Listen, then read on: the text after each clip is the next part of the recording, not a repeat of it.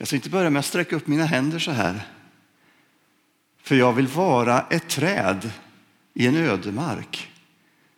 Ett träd som har hittat vatten, som har rötter som sträcker sig mot det här vattnet. Det här trädet, det syns på långt håll.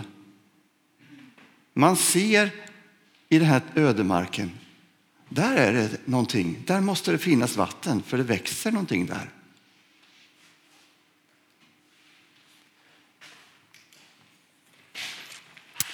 Livets källa. Jag tänkte börja med att bara ge en, ett sammanhang. Varför vill jag prata om livets källa och vad är det? Och ni vet att vi har nyss haft firat jul. Det kan ni inte ha glömt, hoppas jag.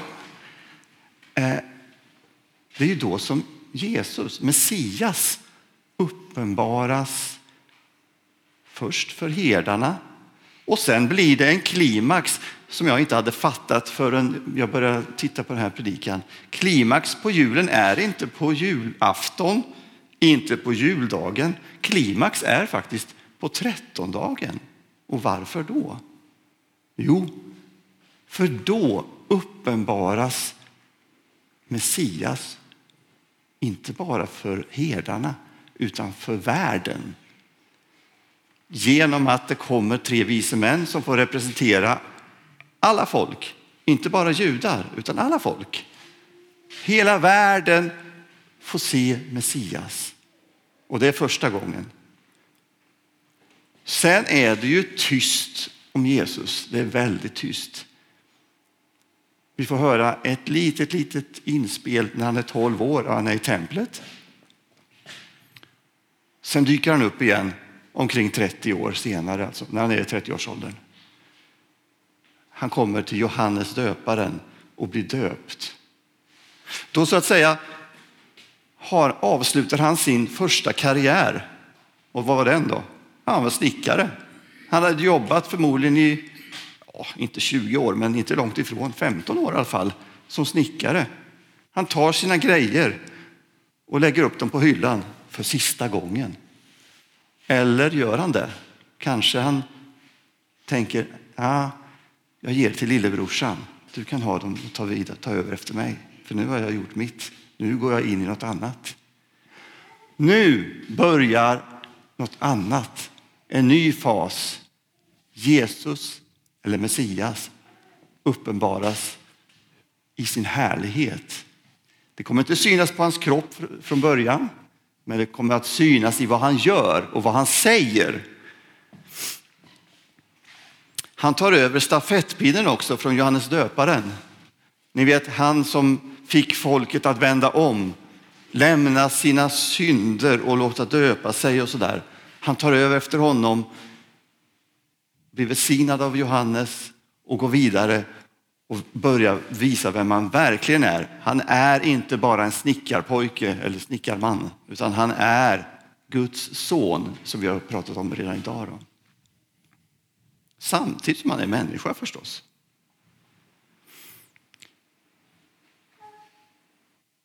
Utan att säga det rent ut så förstår vi när vi hör om vad Jesus säger om sig själv och vad andra säger om Jesus att han var med från början.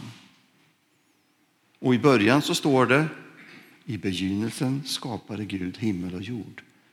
Gud skapade tiden Gud skapade rummet och Gud skapade världen. Tanken liksom baxnar ur. Man kan inte tänka vad, vad var det innan det då? Men på något sätt är ju Gud evig. Det finns ingen tid för Gud. Det här skärps vidare om vi läser Johannes evangelium. Hur det startade? Jo, det startar nästan likadant. I begynnelsen fanns ordet och ordet fanns hos Gud och ordet var Gud. Paulus beskriver detta ännu mer tydligt. Jesus är den osynliga Gudens avbild, den förstfödde i skapelsen. Ty i honom skapades allt i himlen och på jorden, synligt och osynligt, troner och herravälden, härskare och makter. Allt är skapat genom honom och till honom. Han finns före allting. Och allting hålls samman i honom. Det var Kolosserbrevet han skriver det. Och sen talar han om att Jesus ägde Guds gestalt men vakade inte över sin jämlikhet utan avstod från allt och blev som en av oss. En tjänares gestalt tog han och blev som en av oss. Och Paulus säger, det är så ni ska vara. Tänk att ni är, ni är ju Guds avbilder, men var varandras tjänare.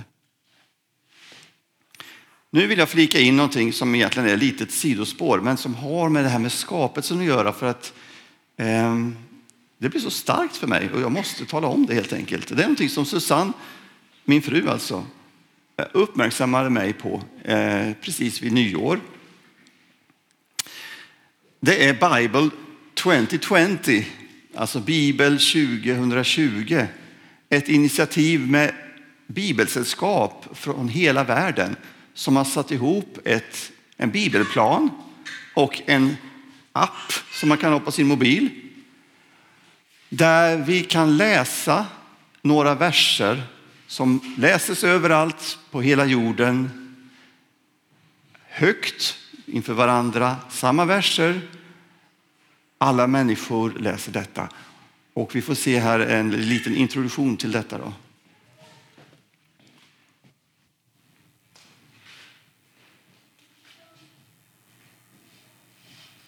Trodde jag.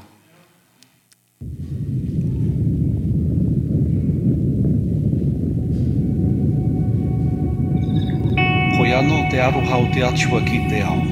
Homai ana e ia tāna tamakotahi. 叫一切信他的不至灭亡，反得永生。神差他的儿子降世，不是要定世人的罪。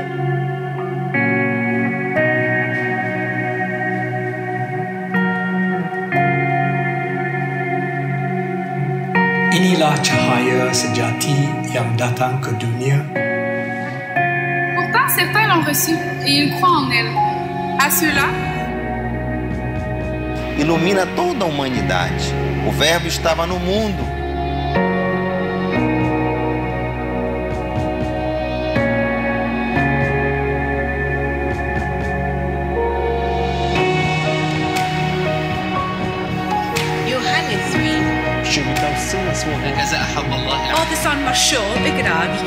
Those who believe in Deus amou God loved the world so much that he gave his only Son, so that everyone who believes in him may not die but have eternal life. For God did not send his Son into the world to condemn the world, but to save the world through him.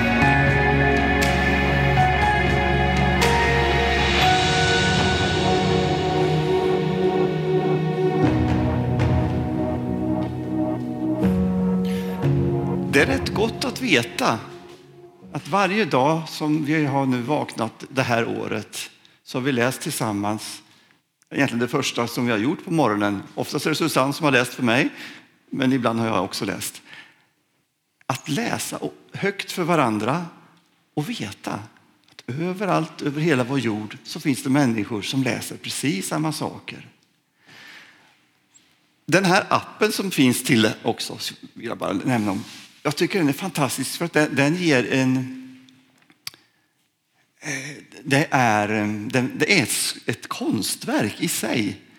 Därför att man kan titta, man kan eh, man klickar på någon knapp så finns det bilder på människor, en del stillbilder, en del rör sig.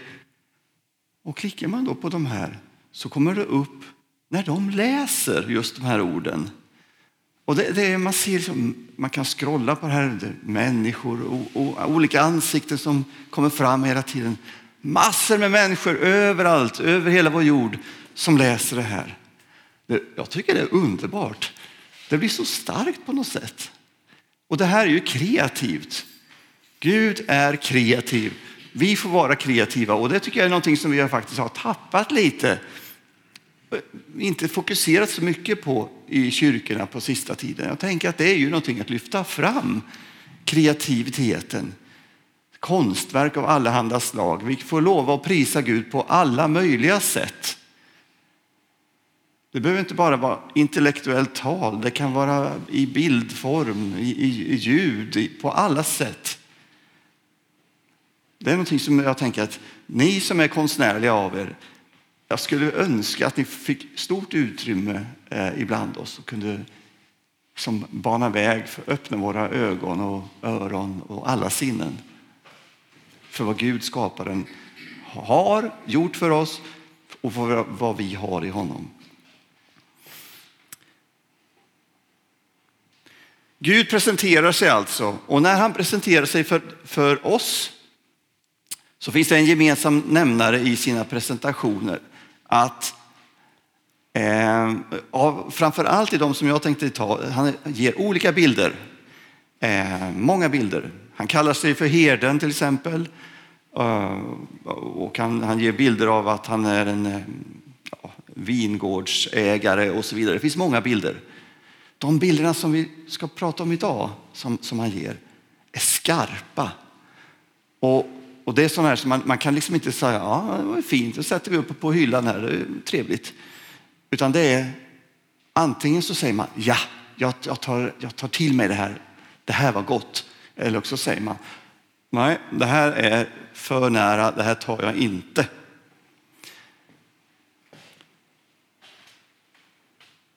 Nu får Thomas vara med här. Han kallar sig till exempel, som vi har förstått av den här dagens tema, att han är källan till levande vatten. Den som dricker av det vatten jag ger blir aldrig mer törstig. Det vatten jag ger blir en källa i honom med ett flöde som ger evigt liv.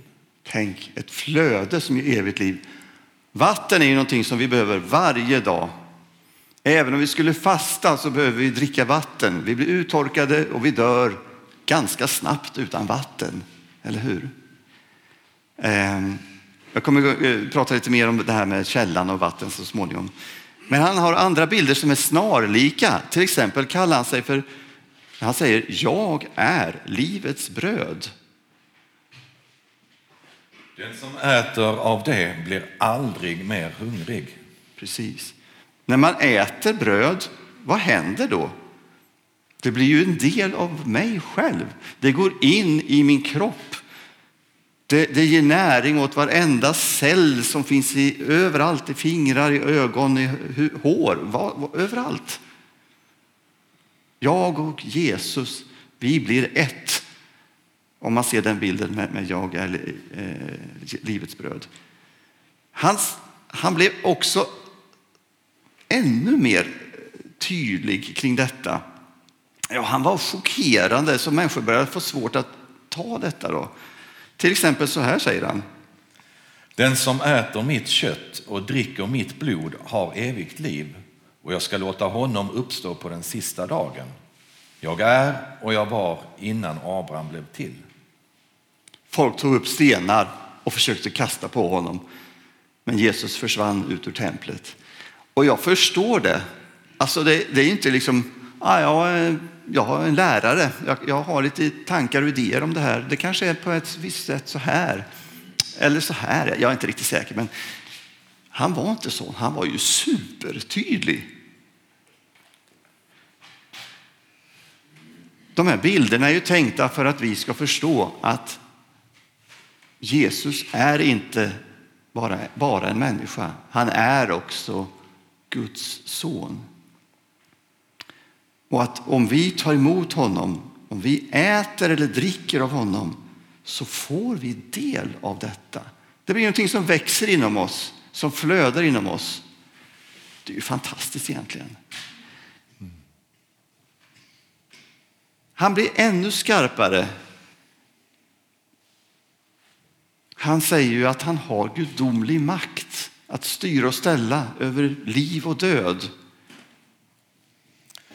Om ni inte äter Människosonens kött och dricker hans blod äger ni inte livet. Ni förstår att det här är ju så skarpt så att man kan inte vara neutral. Det var en stor massa med folk som lyssnade på honom från början. Men allt eftersom han tog upp de här sakerna och, eh, och återupprepade skarpare och skarpare så försvann folk ifrån. De kunde inte ta det här. Och det är ju inte så konstigt. För det är verkligen väldigt, väldigt skarpt. Så man kan inte vara neutral till honom, men kan man lita på honom? Kan man lita på att det här stämmer? För det är ju ändå ganska, det låter ju nästan bisarrt. Det är ju väldigt märkligt att, att det kan vara så här. Är han en hörnsten att bygga sitt liv på?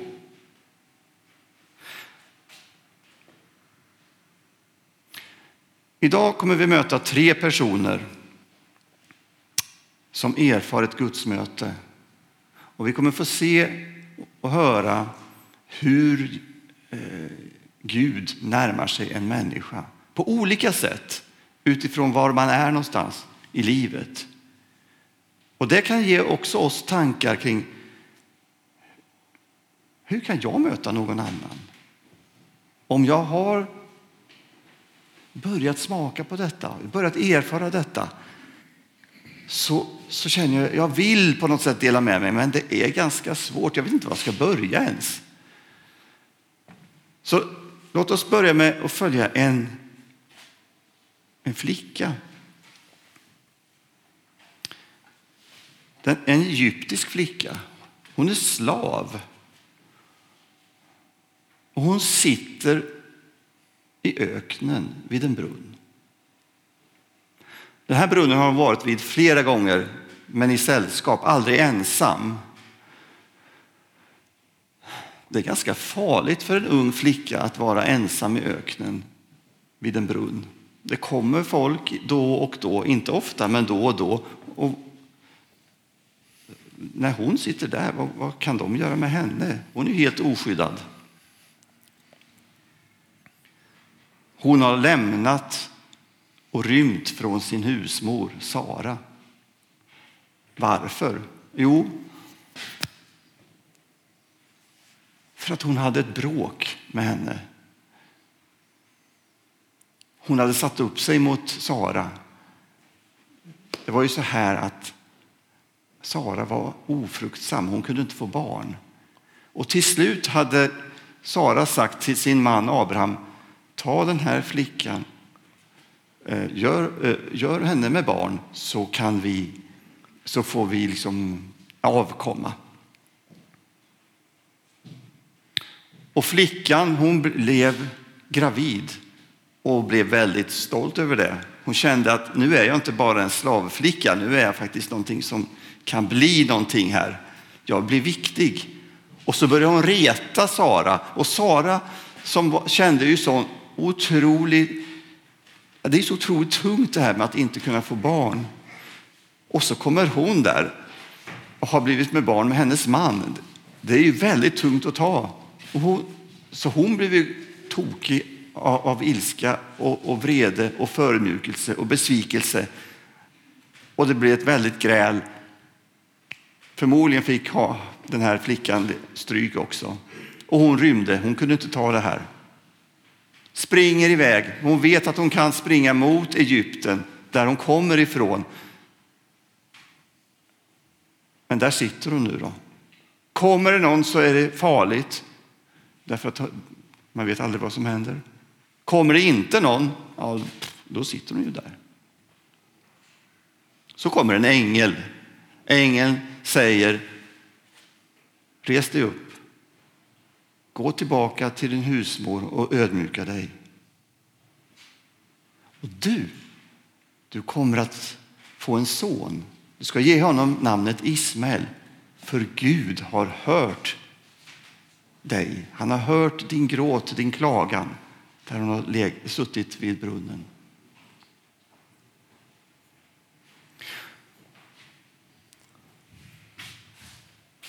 Jag tänker att det finns ganska många som påminner om Hagar. Impulsiva, övermodiga. Det här funkar inte, jag drar. De är dumma, jag byter. Jag byter skola, jag byter jobb, jag sticker, jag lägger av. Hamnar i olämpliga situationer fastnar i missbruk, fastnar i dåliga vanor, destruktiva relationer och känner att jag sitter fast i detta. Jag kommer, det är farligt att vara här, men jag kommer inte ur det.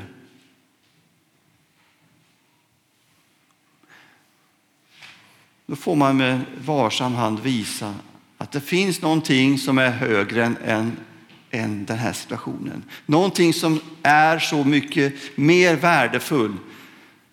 Det levande vattnet som är så otroligt mycket mer värdefullt. Som är viktigare, mer värdefullt än abstinensen, än fördömanden, vad det nu kan vara för någonting. Det är sånt som kan få en människa att resa sig. Att det finns något större än jag själv. Men vi lämnar den här slavflickan. Vi går till en annan person, en man. Han heter Nikodemus. Han är högst upp på den sociala skalan. Han är ingen slav.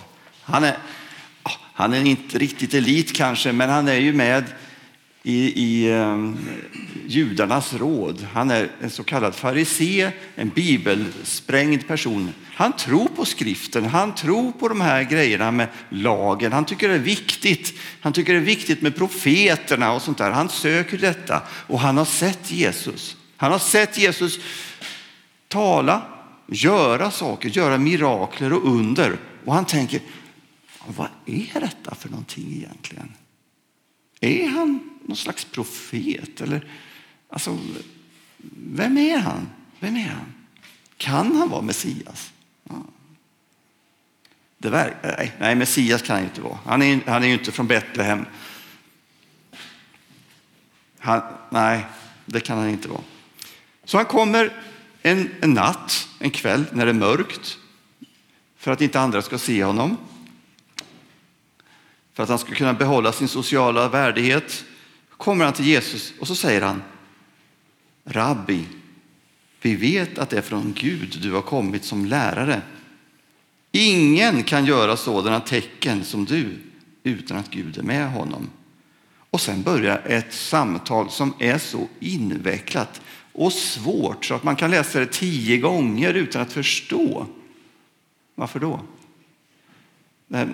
Därför att nu är det liksom experterna i bibelkunskap som talar med varandra och refererar till olika skriftord och sådär.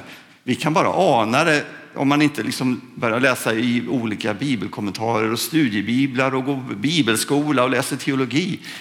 För att vid den första läsningen så är det bara, de pratar väldigt konstigt. Jesus driver det här samtalet och han driver det mot sig själv.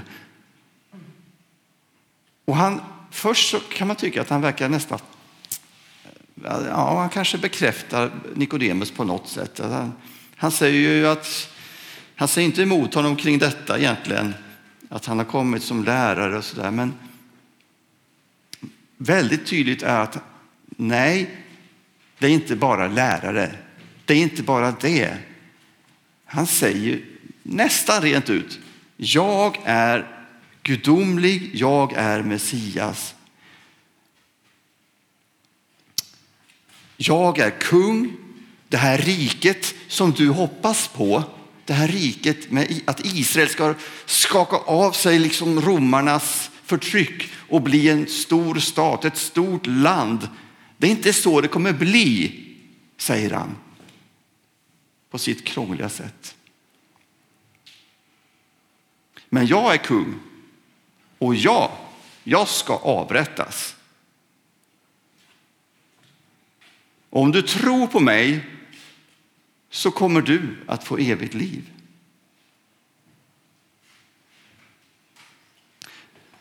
Sen säger han någonting att han kallar sig själv för människoson. Och vi får höra, vad kan det vara för någonting? Jag såg vidare i synerna om natten hur en som liknade en människoson kom med himmelens skyar. Han nalkades den uråldrige och fördes fram inför honom. Åt honom gavs makt, ära och herravälde så att människor av alla folk, nationer och språk skulle tjäna honom. Hans välde är evigt, det ska aldrig upphöra och hans rike ska aldrig gå under.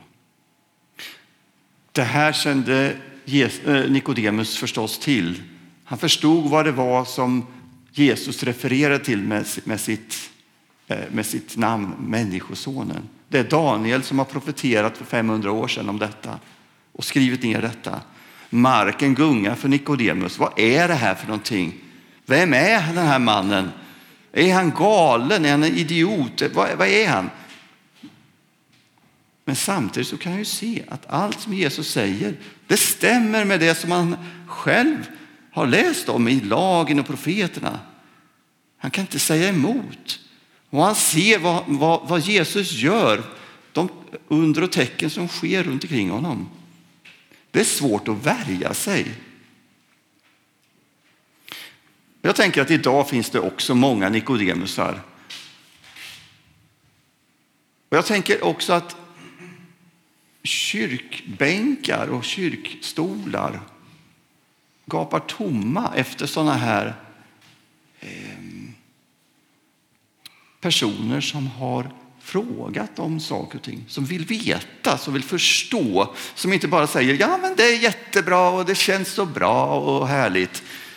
Man vill veta och fatta vad är det som det här menas. Kan det vara så här som det står om i, i Bibeln? Kan det stämma det som man gör i kyrkan där och där? Att inte kunna få fråga och, och liksom få svar och utröna hur funkar det här? Det gör ju att många har lämnat tyvärr. Vi har varit ganska dåliga på att bemöta det här. Och jag tror att det är väldigt viktigt att vi tar människor som har funderingar på allvar. Att vi faktiskt följer med dem på deras resa så att säga. Och pratar det språk som de pratar. Jesus kunde prata på nikodem, nikodemiska, eh, eller akademiska kanske man kunde säga. Och, och många, vi har många eh, vänner runt omkring oss som har olika frågor. Ta dem på allvar. För det betyder ju faktiskt att det är någon som söker efter någonting.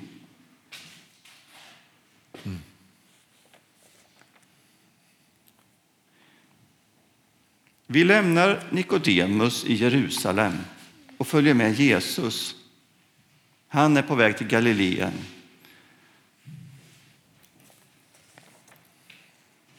Och han stannar i Samarien i Sykar, precis som de pratar om i söndagsskolan där uppe. Vid en brunn utanför Sykar sätter sig Jesus. Mitt på dagen, det är hett, lärjungarna har gått, det är tyst och stilla. Ingen är där. Inte ens fåglarna orkar sjunga. Men så kommer en kvinna. Hon vill inte träffa någon. Hon har varit utmobbad av kvinnorna och jagad av männen i, i, i stan. Hon har haft fem män. Jag skulle gissa att hon var väldigt attraktiv. Ehm, som fick så många män fast hon hade väldigt låg status egentligen då. Jesus inleder ett samtal med den här kvinnan fast han inte borde göra det. Han borde inte göra det, han är jude, han borde inte prata med samarier. Men han gör det och han bemöter den här kvinnan väldigt fint tycker jag. Först så avslöjar han kvinnan. Men han gör det på ett väldigt mjukt sätt. Han säger Du har, du är en fallen kvinna. Eller vad säger man nu på svenska? Alltså, du har gjort fel. Du har haft många män. Det är egentligen inte okej. Okay. Men så säger han det på sitt sätt och det låter mycket bättre. Det låter så här, ungefär. Jag ser dina brister och jag är vid din sida. Precis. Alltså, han låter inte så där nedvärderande som jag just lät. Han, han säger, jag ser dig men jag vill lyfta dig. Jag bekräftar dig. Jag vill inte döma dig. Och då händer någonting med den här kvinnan. Den här kvinnan som har smugit sig ut från staden för att slippa träffa folk som kommer att håna och, och fördöma henne. Hon går tillbaks till stan. Hon slår med locken på varandra, ropar hallå, hallå, hallå, jag har träffat någon. Hon möter alla sina plågoandar och säger kom, kom, kom, får ni se. Kan det här vara Messias? Han säger att han är det, vad tror ni? Och får med sig hela staden och kommer ut. Wow, vilken förändring. En källa bryter fram inom henne. Någonting, det är som isen smälter. Är det inte precis så vi, vi vill bli bemötta? Va? Jag tänker så. Vi har mött tre stycken personer. Hagar, den egyptiska slag, slavflickan, Nikodemus och den samariska kvinnan. Här. Jag tänker att när ni går härifrån idag, ni kommer inte komma ihåg vad jag har pratat om. Det är så. Men jag tänker att ni ska läsa gärna om de här berättelserna några gånger. I första Moseboken 16 kapitel, i Johannes evangelium tredje kapitel och fjärde kapitel. Berättelserna, de sätter sig i ens huvud. Man har med sig dem och påminna, de får påminna oss om hur Gud bemöter människor. Och hur vi får dricka av livets källa. Han längtar också efter att vi ska anta utmaningen att dela med oss, att följa hans exempel, att vara Jesus representant. Och skulle jag säga ett kort ord för hur vi gör detta så tänker jag det vi ser när Gud möter Hagar, när Gud möter Nikodemus, när Gud möter den samariska kvinnan. Spela på deras planhalva. Det tänker jag är liksom nyckelordet i detta. Några människor vill inte tro, tyvärr. Då tänker jag att det är inte så mycket man kan göra. Människan har en fri vilja, får säga nej. Men det vi kan göra för dem som vi kommer i kontakt med som inte vill tro, det är ju att be för dem. Jag tror att det är lite som att lägga smutsig disk i vatten. Det börjar mjukna så småningom. Förr eller senare så öppnas hjärtan. Så nu tänker jag igen som jag börjar här, som trädet. Låt oss stanna här vid källan, vara vid källan, hämta vatten med våra rötter. Så får vi vara ett, som ett vittnesbörd för omgivningen. Här finns vatten, här finns det någonting som inte finns någon annanstans. I den torra öknen. Här finns det vattnet. Kom, kom och drick. Vi ber. Ja, Gud, jag tackar dig för att du är källan till livet och att vi får lära känna dig. Och att vi får upptäcka din skaparkraft och att vi får upptäcka att det finns vatten att dricka, att vi får leva nära dig, att du söker dig till oss, att du drar i oss och vill att vi på all, på, du drar i oss på alla sätt för att vi ska komma nära dig och få uppleva dig, ditt liv inom oss. Du vill förvandla oss på insidan.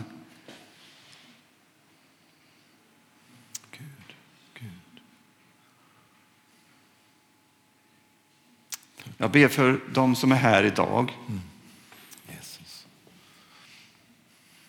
Att det finns kanske någon som inte har druckit av dig, så att säga.